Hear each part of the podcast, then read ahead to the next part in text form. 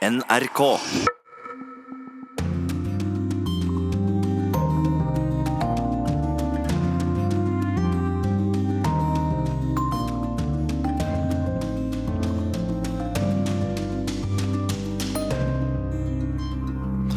Det er lørdag. Klokken har passert 11.03, og du lytter på NRK P2 eller Alltid nyheter. Og programmet er Urix på lørdag, med følgende stolper i dag. Demonstrasjoner og rasistisk uro i Tyskland. Politisk spenning i Sverige en drøy uke før valget. Og senator John McCain, en kald kriger, men et varmt menneske, bisettes i dag. Vi skal høre om verdens elver som er i dårlig forfatning og trenger hjelp, og etter britenes statsminister Teresa Mays dansetrinn i Afrika, så er det også de som mener at hun trenger hjelp. Mot slutten av sendingen åpner vi korrespondentbrevet som i dag er postlagt i Afrika. Dette er Urix på lørdag. Men som antydet, vi begynner i Tyskland, der byen Chemnitz har vært preget av fremmedfiendtlig uro den siste uken. Det begynte i denne omgang med et masseslagsmål sist helg, som endte med at en ung tysker ble drept. Gjerningsmennene var angivelig to innvandrere, en fra Irak og en fra Syria, og disse to er altså da blitt arrestert. Men Chemnitz, som tidligere het Karl Marx Stadt og lå i Øst-Tyskland, er fra tidligere også kjent for sin tyske nasjonalisme, og denne uken har Hitler-hilsener og rasistiske slagord vært en del av bybildet. Og i dag er det tillyst nye demonstrasjoner. Guri Nordstrøm, du er i Chemnitz i Saksen. Hva skjer? Akkurat nå er det stille her i sentrum av Chemnitz, men det er tre ulike arrangement og demonstrasjoner som skal skje her nå i ettermiddag. Eh, det første starter klokka tre. Da er det antirasistisk arrangement utenfor Johanneskirken, der alle de politiske partiene deltar, bortsett fra Alternativ for Tyskland. I tillegg til dem så er det også en rekke ulike fagforeninger og organisasjoner. Så en time etterpå, et annet sted i byen, så skal ytre høyre-borgerbevegelsen Pro Chemnitz demonstrere ved dette enorme steinhodet av Karl Marx som står midt i sentrum her, og hvor de demonstrerte på mandag da demonstrasjonen kom ut av kontroll. Og så til slutt klokka fem så skal den innvandringskritiske partiet Alternativ for Tyskland ha sin egen stille marsj til stedet der denne 35-åringen ble drept for en knapp uke siden. Og her er deltakerne oppfordret til å ha på seg sorte klær. Det skal ikke være verken faner, plakater eller appeller, men derimot en stille sørgemarsj. Med såpass mye som skjer, så er jo ordensmakten eh, godt forberedt og tar dette på alvor. Eh, en fotballkamp i Dresden, ikke så langt unna, er bl.a. avlyst fordi alt politi i mils omkrets er i beredskap i, i Chemnitz for å holde vakt der. Det er ikke folk nok igjen til å passe på fotballpøbel. Er det ventet bråk i dag i Chemnitz? Ja, selv om det kan komme mange i dag, det er tre arrangementer og demonstrasjoner, og det er lørdag og fridag, så kan dette likevel gå forholdsvis fredelig for seg sammenlignet med søndag og mandag. og det er eh, særlig tre grunner til det. Det er jo fordi disse arrangementene både er geografisk og tidsmessig spredt nå. Eh, og som du sa, lokalt politi er denne gangen forberedt. altså De får jo forsterkninger fra andre delstater. Og så har eh, de ulike arrangørene oppfordret demonstrantene til å være fredelige, slik at bråket ikke kommer i veien for eh, budskapet. Litt voksenopplæring og kanskje repetisjon, men altså det er i hvert fall to store aktører på den nasjonalistiske siden, Pegida og AFD, som altså da betyr Alternativ for Tyskland. Kan du kort si hva forskjellen på disse to er? Først og fremst så er jo forskjellen at Pegida er en organisasjon, mens Alternativ for Tyskland er et politisk parti. Eh, Pegida er en anti-islamsk organisasjon som ble stiftet her i delstaten Saksen, nærmere bestemt i Dresden i 2014, som da hadde faste demonstrasjoner der hver mandag, og som på det meste samlet 25 000 demonstranter. Og så har du Alternativ for Tyskland, som sagt, da, som er et politisk parti dannet i 2013 i utgangspunktet mot eurosamarbeidet, men som da senere har markert seg som kritisk mot innvandring innvandring og islam, og som nå sitter som det tredje største partiet i forbundsdagen i Berlin, og som også er representert i 14 av Tysklands 16 delstatsforsamlinger. Du, Kort til slutt, Guri Nordstrøm. eh, retter høyre-raseriet seg mot innvandrerne eller mot de tyske myndighetenes innvandringspolitikk? Ja, For å si det kort, så er det nok raseri her til å være veldig sinna på begge deler. Da får vi høre mer fra deg utover dagen om hva som skjer i Chemnitz. Takk til eh, Guri Nordstrøm. Vi skal til et annet tema som også er preget av eh, fremmedskepsis. Det er en uke og en dag igjen til det svenske valget, og nytt i dag er ifølge Dagens Nyheter at russiske nettroll, som angivelig forsøker å påvirke valgresultatet, disse trollene er altså så grundige og viderekommende at de forsøker å styre debatten ved å advare mot nettopp russiske nettroll, altså med andre ord mot seg selv. Og de er ikke alene når det gjelder forsøk på, på påvirkning. Det Trump-støtte alt-right er også en aktør i kulissene i den svenske valgkampen. Men det er altså andre som vil eh, dirigere ordskiftet eller slå an tonen om man vil. Det skal vi få høre i denne reportasjen fra Charlotte Bergløff, som følger valget i Sverige. Sossarna skal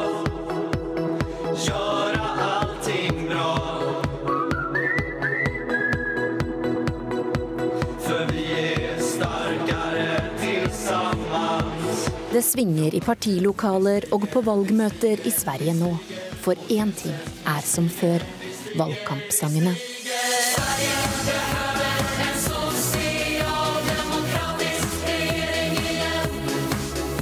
Sosialdemokraternas nynning lyder dog som alt annet enn søt musikk i ørene på Aftonbladets kulturskribent. Tydelig flau skrev Jack Hildén at han skulle ønske at partiene ikke gjorde det så lett å håne valglåtene, som han synes minner mest om arenarock for et fotballpublikum. Bedre ble det ikke av Høyres svenske søsterparti Moderaternas låt 'Moderat så klart', servert i karaokeformat på YouTube.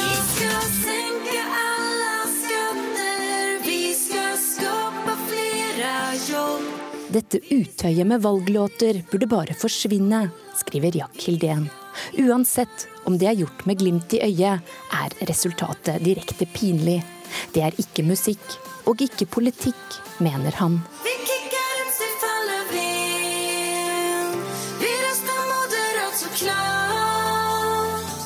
Forsøkene på å påvirke velgere under årets valgkamp i Sverige har tatt mange former. Fra de tradisjonelle valgkampsangene, partiprogrammene og debattene på TV til ideologiske budskap som pakkes stilsikkert inn hos privatpersoner og skyter fart i sosiale medier. For selv om valget går som normalt, er det lite som minner om normalen ved årets valg. Slik vi også har sett ved andre europeiske valg de siste årene. Det tradisjonelle politiske systemet med to sterke blokker til høyre og venstre, utfordres av Sverigedemokraterna, og mange frykter politisk kaos etter høstens valg. Denne uken ble det kjent at også andre krefter forsøker å påvirke valget i Sverige, da det svenske sikkerhetspolitiet Sepo opplyste at de følger nøye med på den internasjonale alternativ høyre-bevegelsen alt-right før valget. Vi får inn våre tanker og ideer gjennom å gjøre bildmemer, gjennom å gjøre videoer, gjennom å podde, gjennom å skrive artikler. I SVTs program Uppdrag gransking fikk vi denne uken møte høyreekstreme i Sverige, som har gitt alt-right fotfeste i Norden. Jeg vil påvirke folks sett å tenke på. Jeg vil befinne meg presis utenfor åsiktskorridoren och sen helt enkelt försöka vidga den så mycket som möjligt och göra det oakseptabla akseptabelt. De jobber systematisk på nettet for å spre grov rasistisk og antisemittistisk propaganda, ofte forkledd som satire, i håp om å sprenge grenser og utfordre demokratiets spilleregler. Take a look at what happened in Sweden. Alt-right liker å fremstille nettopp Sverige som et skrekkeksempel, noe de fikk god drahjelp til internasjonalt da en av alt-rights frontfigurer, Steve Bannon, satt i Det hvite hus, og en ikke ubetydelig mann trakk frem Sverige som et arnested for terrorister. Take a look at what's happening in Sweden. We have to be smart. We can't let it happen to us. So let me state this as clearly as I can. We are going to keep radical Islamic terrorists the hell out of our country. Sveriges utenriksminister Margot Wallström måtte be president Donald Trump om å forklare seg i fjor, etter at han pekte på Sverige som et skrekkeksempel på hva innvandring kan føre til, da han selv kjempet for sitt omstridte innreiseforbud til USA. For høyreekstreme i Sverige kom derimot uttalelsen godt med i deres forsøk på å forandre samfunnet med ekstreme metoder, til fordel for den hvite mann. Jeg håper at de blir krenkta, det kan jeg si. Jeg håper at de blir krenkta, at de kjenner at oi, hva har hendt med samtalet? Hvorfor er alle så radikale plutselig?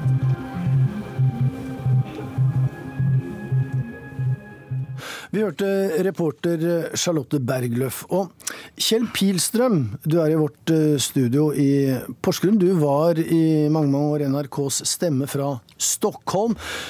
Vi kan vel si nesten tilbake til den tiden da Folkhemmet gikk eh, på skinner. Vi husker Bjørn Borg og Ingmar Stenmark som vant det de stilte opp i. ABBA la verden for sine føtter, og Volvo var ensbetydende med svensk kvalitet. Og Sosialdemokratene de styrte jo på egen hånd og forventet å kanskje gjøre det til evig tid. Hva var det som skjedde med Sverige? Ja, Det som skjedde med Sverige på 70-tallet, eh, og da eh, særlig hva angår svensk politikk, det var jo det jordskjelvet som kom med valget i 1976. Da det som ingen trodde kunne skje, nemlig at andre enn sosialdemokratene kunne styre Sverige. De borgerlige vant. Torbjørn Feldin feide Palme av banen. Og de borgerlige overtok regjeringsmakten i Sverige fram til 1982. Og det var jo noe helt nytt. Altså Sosialdemokratene, som du sa, hadde jo styrt Sverige lenger enn Arbeiderpartiet i Norge, sammenhengende fra før krigen og helt fram til 1976. Så ingen trodde at noen andre enn sosialdemokratene i det hele tatt kunne styre Sverige. Så det var noe helt nytt, og som rokket ved ikke minst sosialdemokratenes egen selvforståelse, men også mange andres oppfatning av Sverige. Ja, altså oppfatning av Sverige. Sverige var jo nøytralt, sto utenfor både Nato og EEC, som det het den gangen var en slags eh, kritisk røst mellom øst og vest. Mange vil huske at statsråd Olof Palme gikk i demonstrasjonstog mot USAs krigføring i Vietnam. De var nokså høye på seg selv, om det er lov til å si den slags. Ble svenskene offer for det vi kanskje kan kalle sin egen arroganse? Ja, altså i hvert fall de svenske sosialdemokratene. De ble jo jekket kraftig ned med dette valgnederlaget. Eh, Palme kom jo tilbake i 82 med brask og bram, riktignok. Eh, fikk 45 av, eh, av stemmene. Men nye, en ny økonomisk virkelighet møtte jo Sverige på 80-tallet.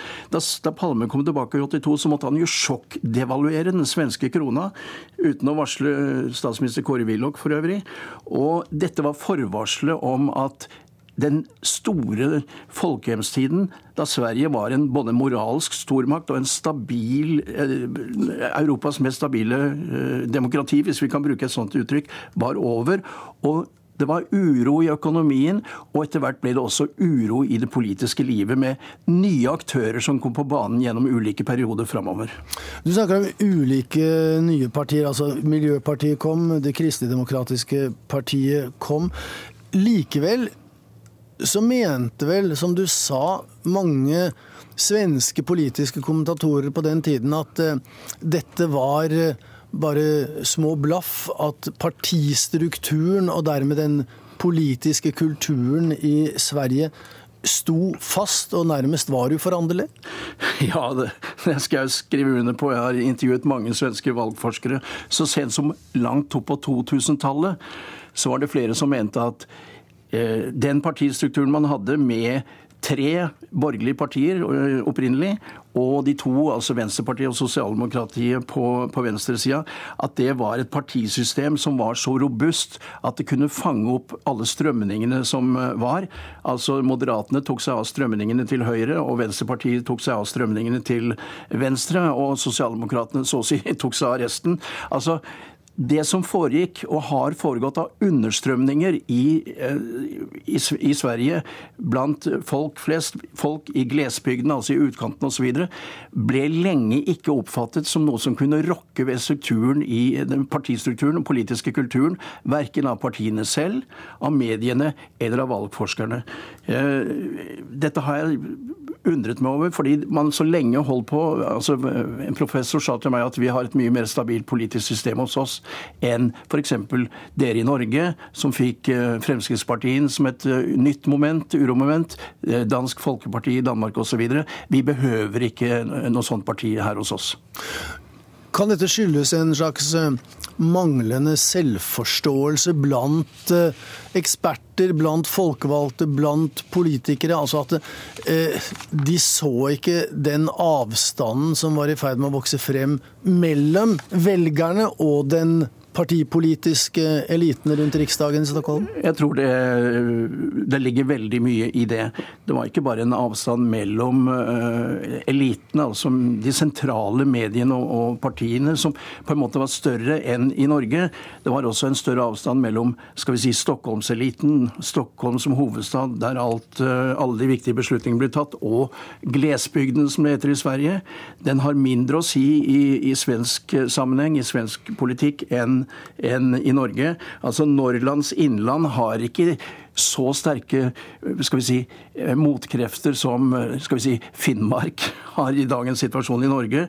Eh, det var mange som har, mange har sett seg oversett, eh, både i geografisk, men også sosialt. Og det er det som nå også kommer til eh, uttrykk når man da får denne migrantkrisen i tillegg, 2015 og framover med åpne grenser, så smelter dette sammen i, et, i en samlet, ganske samlet protest mot partieliten, mediene og ekspertene.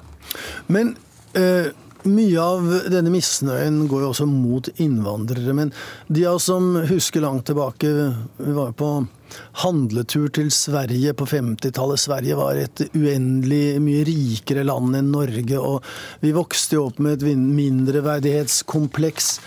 Eh, da noe av bunnen datt ut av eh, denne rikdommen, rettet man da misnøyen mer mot sine nye landsmenn enn mot den økonomiske politikken og verdenskonjunkturene generelt? Altså det, det, tok i så fall lang tid. Det er et nytt fenomen at man eh, på en måte skylder på innvandrere. For lenge var jo, som du sier, eh, innvandrere i Sverige var jo en, en velsignelse. Eh, altså Etter krigen skrek jo dette landet etter arbeidskraft.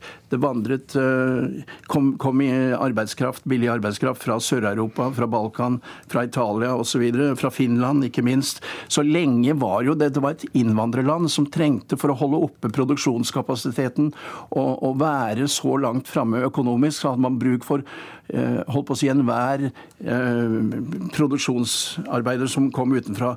Men så kom omslaget med ikke minst eh, ja, Delvis før 2015, men med denne brottsjøen av innvandrere som kom i, i 2015, og som, som, til, som, har ført til dagens situasjon, der innvandringspolitikken står så høyt på dagsordenen som den gjør. Altså Det er bildet som er snudd trill rundt. Eh, vi sier takk til deg, Kjell Pilstrøm, tidligere NRK-korrespondent i Stockholm, nå i studio i Porsgrunn. Takk for at du kom til Urix på lørdag.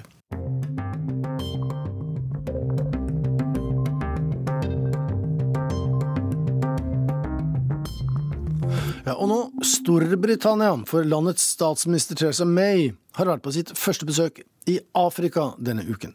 Målet var, og er for så vidt, å styrke de økonomiske båndene til bl.a. Nigeria, Kenya og Sør-Afrika før britene forlater EU.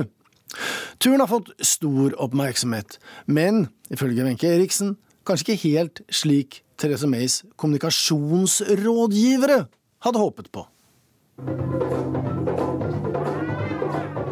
De lærer visst aldri, disse politikerne som besøker fjerne strøk, at de ser utrolig teite ut når de forsøker seg på lokale dansetrinn.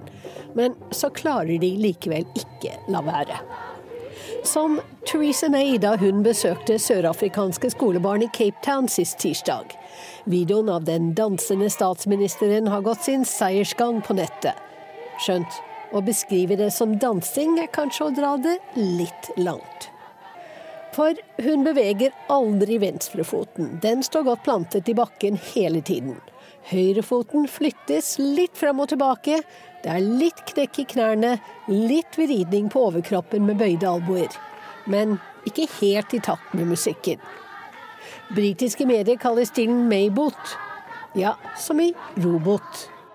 By 2022 i want the UK to be the G7's number one investor in Africa. Hensikten med Theresa Mays første besøk til Afrika som statsminister er å øke handelsforbindelsene mellom Storbritannia og de voksende afrikanske økonomiene. Bistandsbudsjettet skal brukes til å hjelpe britisk næringsliv investere på kontinentet. Storbritannia skal være den største investoren blant G7-landene innen 2022, sier hun i Cape Town. Et besøk til Robben Island er selvsagt en del av programmet, og Theresa May får lov til å låse opp fengselscellen der Nelson Mandela tilbrakte 18 år under apartheid. Akkurat den seansen går slik staben hennes nok håpet. I motsetning til intervjuet med Channel 4s Michael Crick tidligere på dagen. Du var politisk aktiv på 70- og 80-tallet. Hva gjorde du for å få Mandela løslatt, spør han.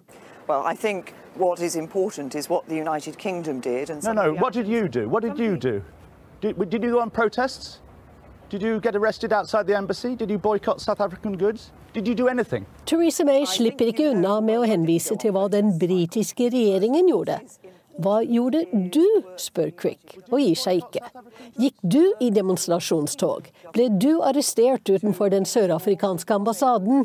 Boikottet du sørafrikanske varer, sier han.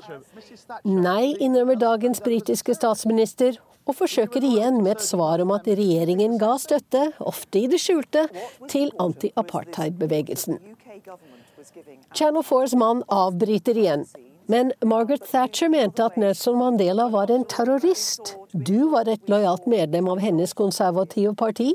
Mente du det samme? Også dette intervjuet får bred dekning verden rundt. Dag to av Theresa Mays Afrikabesøk bringer henne til Nigeria, som har både kontinentets største befolkning og økonomi. Ingen store overskrifter derfra. Kanskje like greit, tenker nok statsministerens folk. Well, you, Tredje og siste stopp blir Kenyas hovedstad Nairobi. Her er det president Uhuru Kenyatta som snubler når han ikke kan huske hva britenes forrige utenriksminister het. Last year, if you recall, the foreign secretary then uh, Boris, um, Boris, Boris Johnson, yeah, the bicycle guy. Ja, sykkelfyren var det visst. Det er forresten 30 år siden en britisk statsminister har besøkt landet som britene styrte i mer enn 70 år. Kenyatta minner meg om det. Yes, it's been 30 years plus. Uh, I don't want to dwell on the past. I'm looking to the future. Og tror du ikke at Theresa May blir lokket ut på glattisen igjen på et speiderarrangement sammen med sjefen for FNs miljøprogram, Erik Solheim? Når ungdommen begynner å danse, føler hun tydeligvis at hun må bli med.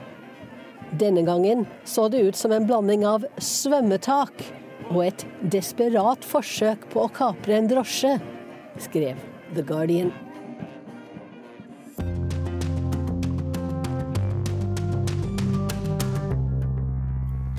Det er i dag en uke siden den 81 år gamle senatoren John McCain fra Arizona døde. McCain har det siste døgnet ligget på paradeseng i Kongressen, en ære som bare blir et fåtall av amerikanere til del. I dag skal han bisettes i nasjonalkatedralen i Washington DC, der så vel USAs 43. president, George W. Bush, som USAs 44. president, Barack Obama, skal tale. Men USAs 45. og nåværende president, Donald Trump, deltar ikke i seremonien, og det etter avdødes eget ønske. Den siste uken er John McCain blitt hyllet av så å si alle, uansett parti, fordi han var en samarbeidets mann, på tvers av partigrenser og personlige motsetninger. Som han selv formulerte det, for å få noe gjort, så måtte de folkevalgte krysse midtgangen. Let's return to regular order. We've been spinning our wheels on too many important issues because we keep trying to find a way to win without help from across the aisle.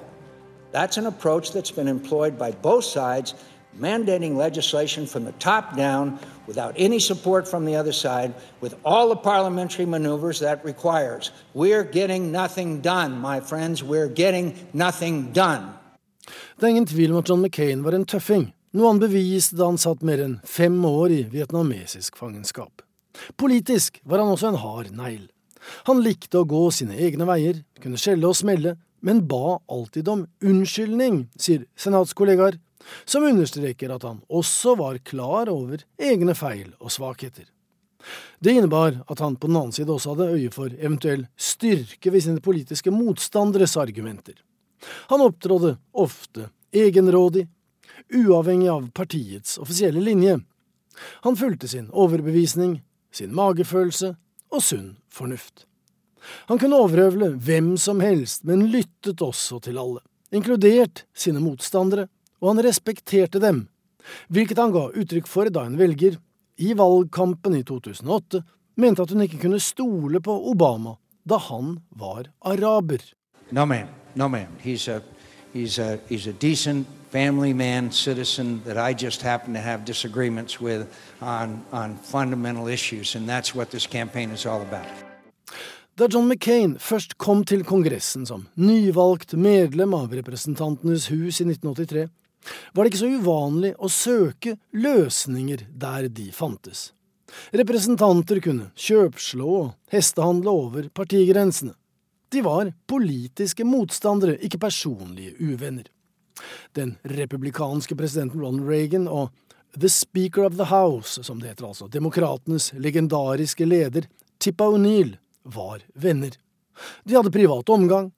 Derfor ble president Reagan nesten litt lei seg, sa han, da han en dag leste en avisartikkel der Tippa O'Neill skjelte ut presidenten.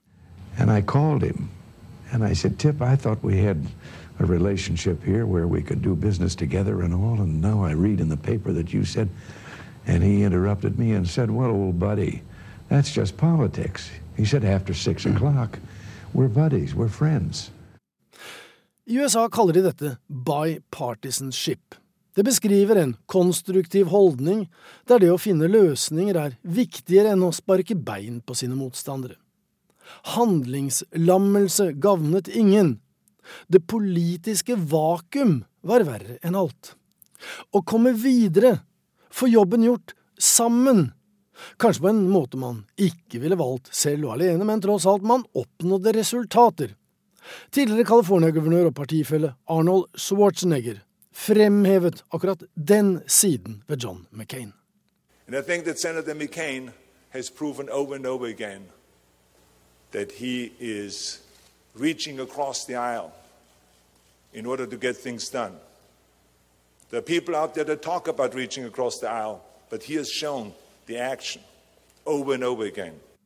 I 1994, da McCain var vel plassert i Senatet og Bill Clinton var president, inntraff den republikanske revolusjon. Under ledelse av Georgia-representanten Newt Gingrich koordinerte de republikanske kandidatene sine standpunkter. De inngikk det de omtalte som en Contract with America, der de forpliktet seg til et mer tydelig politisk program. De skulle ikke lenger ene og alene være pragmatiske folkevalgte for og fra sin hjemstat, men ideologiske representanter forankret i et overordnet og konservativt partiprogram. Dermed ble det viktig å redusere motstandernes gjennomslagskraft, og det kunne man gjøre ved å begrense kompromissviljen, altså i praksis si nei til samarbeid over partigrensene. Denne grunnholdningen har de siste årene ført til et kaldere og mindre effektivt politisk klima på Capitol Hill. Dette var en helt fremmed holdning for John McCain, noe han viste i praksis gjennom et kvart århundre, og ga uttrykk for i en avskjedshilsen i Senatet da det i fjor ble kjent at han var syk. I hope we can again rely on humility, on our need to cooperate, on our dependence on each other, to learn how to trust each other again, and by so doing better serve the people who elected us. Derfor må det sies å være en skjebnens ironi at det var John McCain som åpnet døren for den høyrepopulistiske fløyen av partiet, da han utnevnte Sarah Palin til sin visepresidentkandidat i 2008. Hun var en annerledes politiker og overrasket alle, noen på godt, andre på vondt.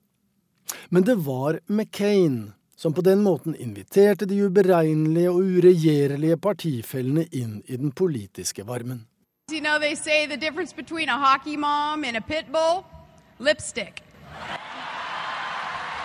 Han bidro på den måten til å gjøre den protesterende misnøyebevegelsen stueren, og var dermed med på å bane veien for denne karen, en selvsentrert og selvhevdende mann som var full av forakt for John McCains politiske etikk og moralske prinsipper. I supported him for president. I raised a million dollars for him. It's a lot of money. I supported him. He lost. He let us down. But, you know, he lost. So I never liked him as much after that because I don't like losers. But, but Frank, Frank, let me get to it. He hit me. He's not a war hero. He's a war hero. He's a war Five hero. and a half years He's a war hero because he was captured. Ja, en taper som ikke var noen krigshelt. eh, At han ble det fordi at eh, han eh, lot seg ta til fange. Og president Trump liker ikke den slags folk. Og her ligger nok noe av hemmeligheten også til at avdøde John McCain spesifikt sa ifra at eh, presidenten var uønsket i katedralen i Washington senere i dag, der også den offisielle bisettelsen finner sted. Og Gro Holm, du er tidligere USA-korrespondent. Disse to karene de sto ikke så veldig langt fra hverandre politisk, men moralsk var det kanskje en avgrunn imellom? Ja, jeg tror at McCain på mange måter eh, foraktet eh, mye av det Trump eh, står for, eller ga uttrykk for. Eh, og hans mangel på prinsippfasthet. Og så kan du også si at bare det å beskylde denne mannen som var da tatt som fange fordi flyet hans ble skutt ned i Vietnam og ble torturert og avslo å bli utlevert og få, slippe med, med mindre enn fem år fordi han ville være sammen med de andre amerikanske medfangene. Eh, bare det å, å, å si at nei, han var ikke en ordentlig helt, det er de som ikke blir tatt til fange som er helter, det, det er klart det såret McCain eh, dypt. Men du, før vi fortsetter, det har vært mye hyllest av, av denne avdøde i denne uka. Eh, litt gammeldags i formen på én måte, denne hedersmannen. Han vil bli husket som et godt menneske, og ikke noe bedre enn det. Men han var jo en hauk og en kriger og en konservativ og en hard negl. Ja, absolutt. Han var en av haukene i USA i utenrikspolitikken. Han, eh, han tok jo flere ganger til orde for at USA kanskje burde bombe Nord-Korea og Iran, eh, istedenfor å holde på i det uendelige med å skulle inngå avtaler. Eh, han eh, støttet eh, invasjonen i Irak i 2003. Han mente at eh, USA burde sette inn mer soldater i Syria. Han var for å selge mer våpen til Ukraina. Og ikke minst så var han jo veldig, veldig antirussisk, eller i hvert fall anti det russiske regimet. Der var han helt, eh, helt kompromissløs. Men så skal altså da to presidenter, en fra hvert parti, eh, holde tale i, i ettermiddag. Det er jo nokså uvanlig, og det symboliserer vel på mange måter altså dette, dette grunnprinsippet hans som vi har vært inne på, dette med tverrpolitisk samarbeid for å få ting gjort. Og det taler vel til hans fordel? Absolutt. Han, eh, han eh, Ikke bare skal en fra hvert parti holde tale. Det er flere demokrater, bl.a. skuespilleren Warren Betty, som er med og bærer kisten hans. Eh, Og, og for McCain så var jo ordet kompromiss et, et hedersord. Og de som har forsket på dette her, de mener at det kompromisset ble ekstremt upopulært i, i det republikanske partiet fra rundt 2009-2010. Daværende speaker John Boehner, republikaner, sa til og med at det, det er et ord jeg avviser sa han. Mens McCain han, han, viste jo da gjennom sin praksis at han var villig til å samarbeide. Han samarbeidet med demokraten Ted Kennedy om en innvandringsreform. Han samarbeidet med en annen demokrat, Ross Feingold, om, om, en ny lov som skulle begrense pengenes betydning i politiske valgkamper. Så han viste jo gjennom sitt virke at dette kunne gi resultater, og han mente at det var et tap for det amerikanske folk folk når partiene ikke lenger kunne samarbeide og kunne inngå kompromisser som de gjorde tidligere. Og da har vi kanskje sakens kjerne. Hvor alvorlig er det for det amerikanske demokratiet at man ikke da samtaler og samarbeider, som han sa, across the aisle? At man heller holder på sitt enn å la motstanderen få en lillefinger? Der vil jo det avhenge helt av øynene som ser svar på det der. Eh, men det betyr i hvert fall at Kongressen blir mindre effektiv. Og at evnen til å lose reformer gjennom og i havn er, er, sterkt redusert. Vi har sett det nå i bare siden Trump ble president. Han har ikke fått gjennom eh, forslaget til ny helseforsikringsreform. Han slet fryktelig med å få gjennom skattereformen. Og han har heller ikke fått gjennom forslaget om å eh, bygge en mur mot Mexico, eller noe som ligner en mur. Eh, så jeg må jo si da altså at Det er både republikanere og demokrater i, eh, i, Kongressen som bidrar til dette. Det er, ikke, det er, ikke, bare den ene siden som her har ansvar. For vi har sett en kraftig økning i, i den såkalte filibustertaktikken. Dette med å debattere og debattere så det aldri ble vedtatt noe som helst. Og skal du få en slutt på debatten, så må du ha eh, tre femdels flertall av de som er til stede i salen, og det kan være vanskelig å få. Eh, så dette er, dette er, et ansvar som begge sider, eh, som begge sider må ta. Eh, men som da eh, enhver sittende administrasjon selvfølgelig lider under. At de ikke får gjennomført eh, ting de har sagt de skulle gjennomføre. Fordi de ikke klarer å få til avtale med den andre siden, med det andre partiet. I dag er det september. I november er det et såkalt mellomvalg. Da kommer det nye folk, en god del i hvert fall, både i Senatet og i Representantenes hus. Er det noen særlige utsikter til at det kommer inn nye krefter som kanskje er mer positivt innstilt til det vi snakker om her nå, altså et samarbeid across the aisle? Ja, altså Hvis vi skal dømme etter en, et neste som heter 538, 538, som har en, en, berømt statistiker, nesten magiker innenfor statistikk, Nate Silver som, som, sin grunnlegger. Han har hatt veldig mye rett når han har spådd ting tidligere, ikke alltid, men han mener nå at det er 74% sjanse for at demokratene overtar flertallet i Representantenes hus. Men de har ikke sjansen til å, eller veldig små sjanser til å klare å vinne Senatet, så det betyr at du ganske sannsynlig kan få et demokratisk representantenes hus og et republikansk senat. Og da tror jeg det som kommer til å skje, er at man bare graver seg enda lenger ned i skyttergravene eh, og, og, ikke får vedtatt noe. Det er ikke noe som tyder på at liksom plutselig så skal ånden i korridorene skifte. Jeg tror snarere at da vil demokratene bruke sitt flertall i representantenes hus for det det er verdt. Begravelsen den er i morgen, og vi sier eh, takk til eh, bistand og bidrag fra deg, Gro Holm.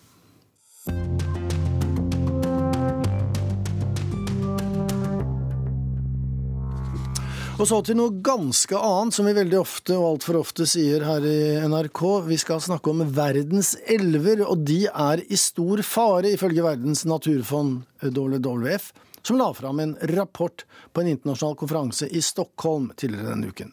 Arrangert av Stockholm International Water Institute. Arealer som deltaer og våtmarker minsker, ferskvannsfiske er i fare, og elver forurenset fremdeles over hele verden. Eh, WWF mener det er mulig å gjøre noe med dette, og at vi kan anvende ny teknologi for å sikre oss sunne elver i fremtiden.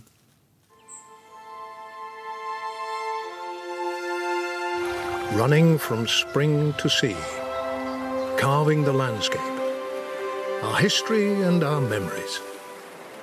Rivers are the lifeblood of our country. Vi tas med til en eventyrlig, mystisk verden av elver gjennom frodige, grønne landskaper i denne videoen fra Verdens villmarksfond i Storbritannia. De kjemper for de sagnomsuste kalkelvene sør i England. WWF tok kampen for elvenes helse globalt denne uken med sin rapport på World Water Week i Stockholm. I think the reason we're talking about rivers is because this discussion about water and water security, Vi har begrenset vår oppfatning av elvene til vannkilde og til å drive kraftverk, sier Stuart Orr i en video fra WWF. Han er teamleder for ferskvann. Vi må endre hvordan vi administrerer våre elver og sikrer friske elver, men vi må også gjøre det for å redde vår økonomi. Det er et varsko til næringslivet, sier Orr. I think value is useful because it appeals to private sector, it appeals to finance sector. To milliarder mennesker er avhengig av drikkevann fra elver. En halv milliard bor i deltaer som er avhengig av å få tilført sedimenter, avleiringer som fraktes med elvene. 25% av verdens matvareproduksjon er avhengig av vanning fra elver. Og minst 12 millioner tonn fisk fanges hvert år i ferskvann, og gir mat til flere titalls millioner mennesker. De fleste av verdens store deltaer minker, både utløpene for Ganges, Indus, Mekong, Nilen og Yangtze. To talk about things like uh, fish and food security, to talk about sediment and flows, to talk about ecosystems and wetland uh, uh, restoration and protection from floods and storms, etc., etc. En av talerne på World Water Week i Stockholm var visegeneralsekretær i FN Amina Mohammed, tidligere miljøvernminister i Nigeria. Lake Chad for us um, in our ecosystem was once the chief source of economic activity in our region, providing food and economic opportunities to nearly 30 million people. Tsjadsjøen var viktig for vår økonomi, for 30 millioner mennesker i Nigeria. Nå er den redusert med 90% sier Amina Mohammed. Framveksten av terrorgruppa Boko Haram kan delvis knyttes til vannkrisa, som også ble en økonomisk krise, sier FN-lederen. I believe the tragedy of Boko Haram is inextricably linked with poor water management. En gang var Tsjadsjøen den fjerde største i verden. Våtmarksområdet der var Afrikas nest største og hadde et svært rikt dyreliv. Økt kunstig vanning, mindre tilførsel fra den eneste elva som fyller opp Tsjadsjøen, og minsket nedbør har bidratt til katastrofen. Og elven Nigers delta, 1500 km lenger sør i landet, er et annet eksempel, ødelagt av forurensning, sier Amina Mohammed.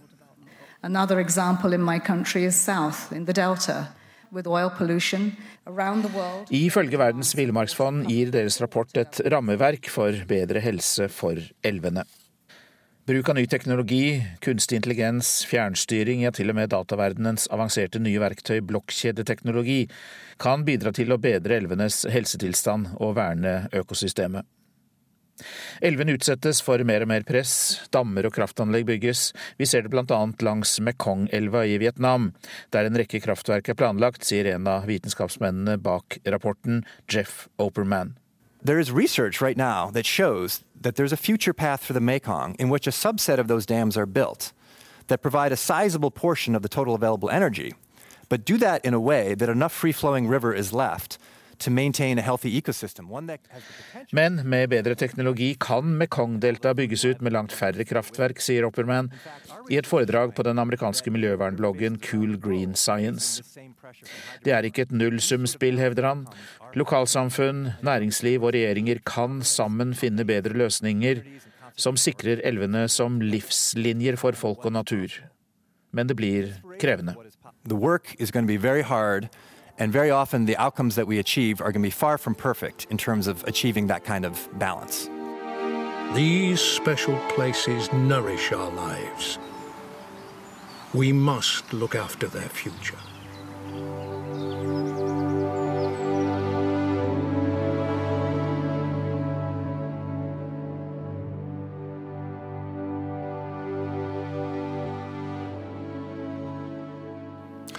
Og reporter i dette innslaget, det var Øystein Heggen.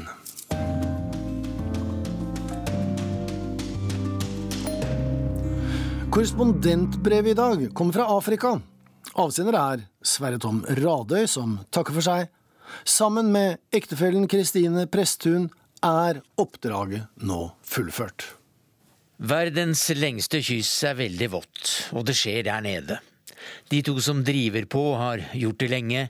Tretusenårsriket i Egypt er et ektefødt barn av dette flodforeningsfenomenet som altså kalles verdens lengste kyss. Det skjer i Sudans hovedstad Khartoum, én mil under KLM-maskinen og koppen med flykaffe som skvulper faretruende i turbulensen. For der nede blander de to seg sammen til ett. Den kraftige blå Nilen fra Etiopias høyland og den hvite Nilen, som på sin side har reist lenger, helt fra Uganda, Tanzania, Rwanda eller sågar Burundi, alt etter hva man mener at en kilde er. Mange modige og middelmådige menn døde i kampen om å bli den første europeer som fant fram til stedet der den fjerneste dråpen som blir til Nilen, finnes, deriblant Livingston og en løperkonge fra Sogn. Vindusplassen på rad 17 over Sudan er et greit sted å skrive dette brevet.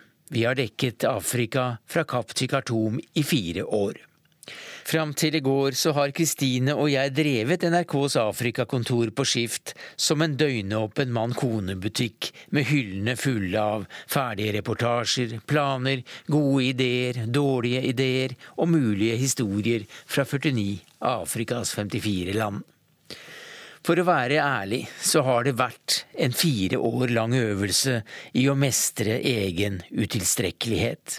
Å følge med på 49 land jeg kan fremdeles ikke navnet på halvparten av hovedstedene, men de store, viktige hendelsene og utviklingstrekkene, de små smilehullene, historiene om de som står der når naboene rammes av sult og terror, det var en del av sortimentet.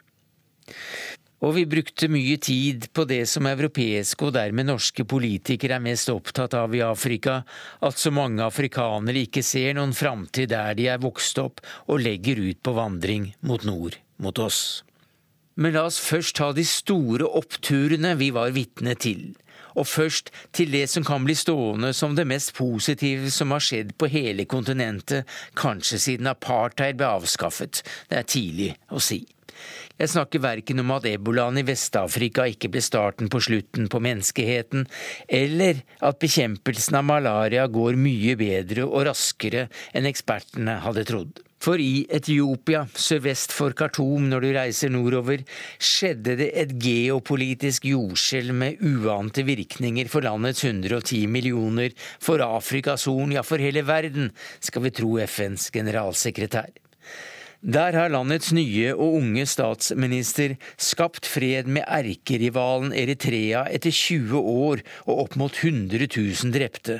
Flere mener mannen bør få Nobels fredspris. Han skal ha satt fri titusener av politiske fanger, har invitert forbudte partier og opposisjonelle inn i varmen, undertegnet fredsavtaler med det som Etiopia for få måneder siden mente var terrororganisasjoner, åpnet opp lukkede deler av økonomien for utenlandske investeringer, og skjelt ut eget sikkerhetspoliti for statsterror, tortur og vilkårlige fengslinger, for å nevne noe. Alt dette på under 100 dager. Den siste salven om statsterrorisme fyrte han av i landets nasjonalforsamling. Der skulle vi ha vært. Men Etiopia er fremdeles en versting for journalister som ønsker innreise, og visumkontoret i Etiopias Nairobi-ambassade er noe av det jeg ikke kommer til å savne. Om forandringene i landet vil vare, vet ingen. Den nye statsministeren må ha mektige fiender som ikke ser seg tjent med slike brå vendinger til folkets beste. I sommer unnslapp han et attentatforsøk, det neste kan lykkes. Det er fremdeles stor uro mellom folkegrupper i landet, med én million flyktninger som ett resultat. Det er lett for motstanderne å finne misnøye å spille på. Men da vi reiste med ungene og besøkte gamle Lucy i hovedstaden og kirkene i Lalibela som turister, ville alle vi møtte snakke om mirakelet i Addis Abeba, at et så seigt og undertrykkende regime kunne forandre seg så raskt. Den nye statsministeren kunne også ha fått en pris for å sette fart i forhandlingene om en avtale i Sør-Sudan. Det var han som endelig fikk samlet erkefiendene i borgerkrigen på forsommeren. I verdens yngste stat har som kjent de to mektige rivalene stått i spissen for ganske konsekvent å ødelegge landet for innbyggerne de siste fem årene. Halvparten av dem trenger hjelp nå for å klare seg. Millioner er på flukt. En våpenhvile og et veikart for fred ble undertegnet, og noen tror faktisk det vil gå bra, og at en av verdens verste kriger skal ta slutt. Men det har vært flere oppturer sør og vest på kontinentet. I Sør-Afrika befridde ANC landet for president Zuma. I Gambia hev en regional militær styrke ut presidenten, som klamret seg til makten etter 23 år etter å ha tapt et valg. Etter 28 år i Burkina Faso måtte despotene rømme fra sinte unge mennesker i gatene. I Kongo har president Kabila endelig sagt at han ikke stiller til valg to år på overtid. I Liberia, Ghana og Nigeria har de hatt kompliserte valg der opposisjonen har vunnet og tapende regimer har gitt fra seg makten forholdsvis frivillig. I Zimbabwe eksploderte hovedstaden Harare i begeistring over at oldingen måtte gå av. 37 år var nok, og kona hans Grace var folkefiende nummer én. Det militære grep inn. Det var nok den morsomste dagen jeg har hatt på jobben. Heldig var vi som formidlet dansen, sangen, hurraropene, den såre gråten over tapte år og gleden over at nå, nå er det lov å håpe. Vi ble stadig advart av folk da det Mugabe-lojale sikkerhetspolitiet kom løpende for å se våre pressetillatelser som vi selvsagt ikke hadde. Da var det bare å spurte til nærmeste stridsvogn, der soldatene beskyttet oss. De hadde gjennomført det mest populære kuppet i Afrika i moderne tid. Soldatene glemmer nok ikke den festnatten så lett, da forbipasserende stoppet og lot lerka gå rundt, og jentene visste godt hva godt de kunne gjøre for dagens og nattens helter i uniform. Men utviklingen har ikke gått raskt i riktig retning i noen av disse landene etter de positive omveltningene i demokratiets tegn. Det er stadig to skritt fram og ett langt tilbake. Noen venter nok også på tilbakeskrittet, også i Etiopia, om folk ikke opplever at forandringene gir dem en bedre hverdag med mat på bordet. Kongo er landet de fleste korrespondentene frykter at blir den neste store slagmarken, så følg med. Kjempelandet har allerede vært åsted for to store kriger med de største tapstallene siden den andre verdenskrig.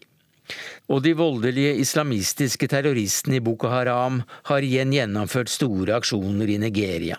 Vår faste fotograf Lutta og jeg var på markedet i provinshovedstaden Maiduguri dagen før to jenter sprengte seg selv og flere andre i lufta. Politiet opplyste at den yngste jenta med selvmordsbomben rundt livet var sju år. Det er ikke til å fatte, det heller. Lenger nordvest har Mali i løpet av årene vi har vært på vakt, blitt det dødeligste stedet for FN-soldater i verden. Da vi besøkte Timbuktu med en norsk skvadron for et par år siden, fikk vi ikke lov til å bevege oss mer enn 20 meter fra flykroppen av sikkerheten. Da jeg besøkte ørkenbyen noen år tidligere, red jeg med tuaregen ut i Sahara og sov under stjernehimmelen ganske fritt. Nå frykter man at hele Sahel-beltet kan rakne under press fra jihadister og andre banditter som forsynte seg grovt fra Gaddafis våpenlager etter bombingen av Libya og oberstens fall. Der fikk jeg litt balanse i regnskapet, inspirert av den viktige debatten i NRK Ytring om hvilke deler av vår oppfatning av virkeligheten som det er viktig å formidle. Nyanser selger ikke, skriver Norads direktør. Han har selvsagt rett, det er en grunn til at jeg snakker om det beste og det verste som har skjedd i vår korrespondenttid i dette brevet. Svart og hvitt, det er kontrastene som gjør at vi ser. En overskrift som Folk har det ganske bra også i Afrika, ville neppe fått hjemmeredaktørene til å bli ville i nikkersen, eller lytterne til å hysje på unga og klistre ørene til radioapparatene. Hør, hva er det han sier, det står ikke så verst til. Men dette er antagelig det riktigste bildet vi kunne gitt. Livet leves, hverdagen går opp. På hjørnet i Nairobi bortenfor der vi ble jaget forbi mobben som maltrakterte en mann i grøfta, hvor fotograf Lutta antagelig reddet livet til en annen, og jeg kjente hvor kaldt stålet på en machete er, selv under tropesolen, ja, så var bodene åpne med salg av cola og ostepop. I Liberia blomstret kjærligheten i ebolaens tid, ble det sagt, og selvsagt gjorde den det. Vi så det selv mens kurvene over smittede var på sitt bratteste i oktober 2014. I Kibera-slummen i Nairobi satt folk og så på såpeoperaer fra Bollywood i skurene mens tåregassen drev i smugene og ungdommen slynget steiner mot politiet med fare for eget liv over et nervøst pressekorps med hjelm og gassmasker. Det skal en omfattende katastrofe som en tsunami eller et jordskjelv til før folk gir slipp på viktige deler av hverdagen. Men hverdagsskildringene dekket vi i liten grad, en klar mangel i utvalget. Men dette var det heller ingen som etterlyste. Derimot er jeg blitt kritisert for både å skjønnmale og svartmale situasjonen på kontinentet, jakte på det eksotiske, være fordomsfull, eurosentrisk og gulpe opp fordommer. Det er sikkert mye sant i alt sammen. Vi ser nå engang verden gjennom egne briller, og for oss er det eksotisk og annerledes å fiske tunfisk fra en uthullet trestamme, spise levende termitter på beste vestkant og sitte under akasietreet i solnedgangen mens løvebrølet flerrer stillheten på savannen og masaiene senker stemmen og forteller om den beste måten å komme seg unna en løve på. En av masaiene under akasietreet i solnedgangen hadde vært på Svalbard, og gjett om han syntes det var eksotisk. Så mye er forskjellig, men det er utenpå, for det meste. Og dette brevet det kom fra Tom eh, Sverre Tom Radøy. Da går da altså denne Urix på lørdag ved veis ende. Det er eh, nok en gang, får vi kanskje si. Og vi minner om en minireprise i P2 klokken 16.30. Når han sier vi, så er det eh, Stein Nybakk som har hatt det tekniske ansvaret. Det har eh, Katrine Nybø som har produsert sendingen. Her i studio har jeg prøvd å holde orden på det meste. Joar Hoel Larsen.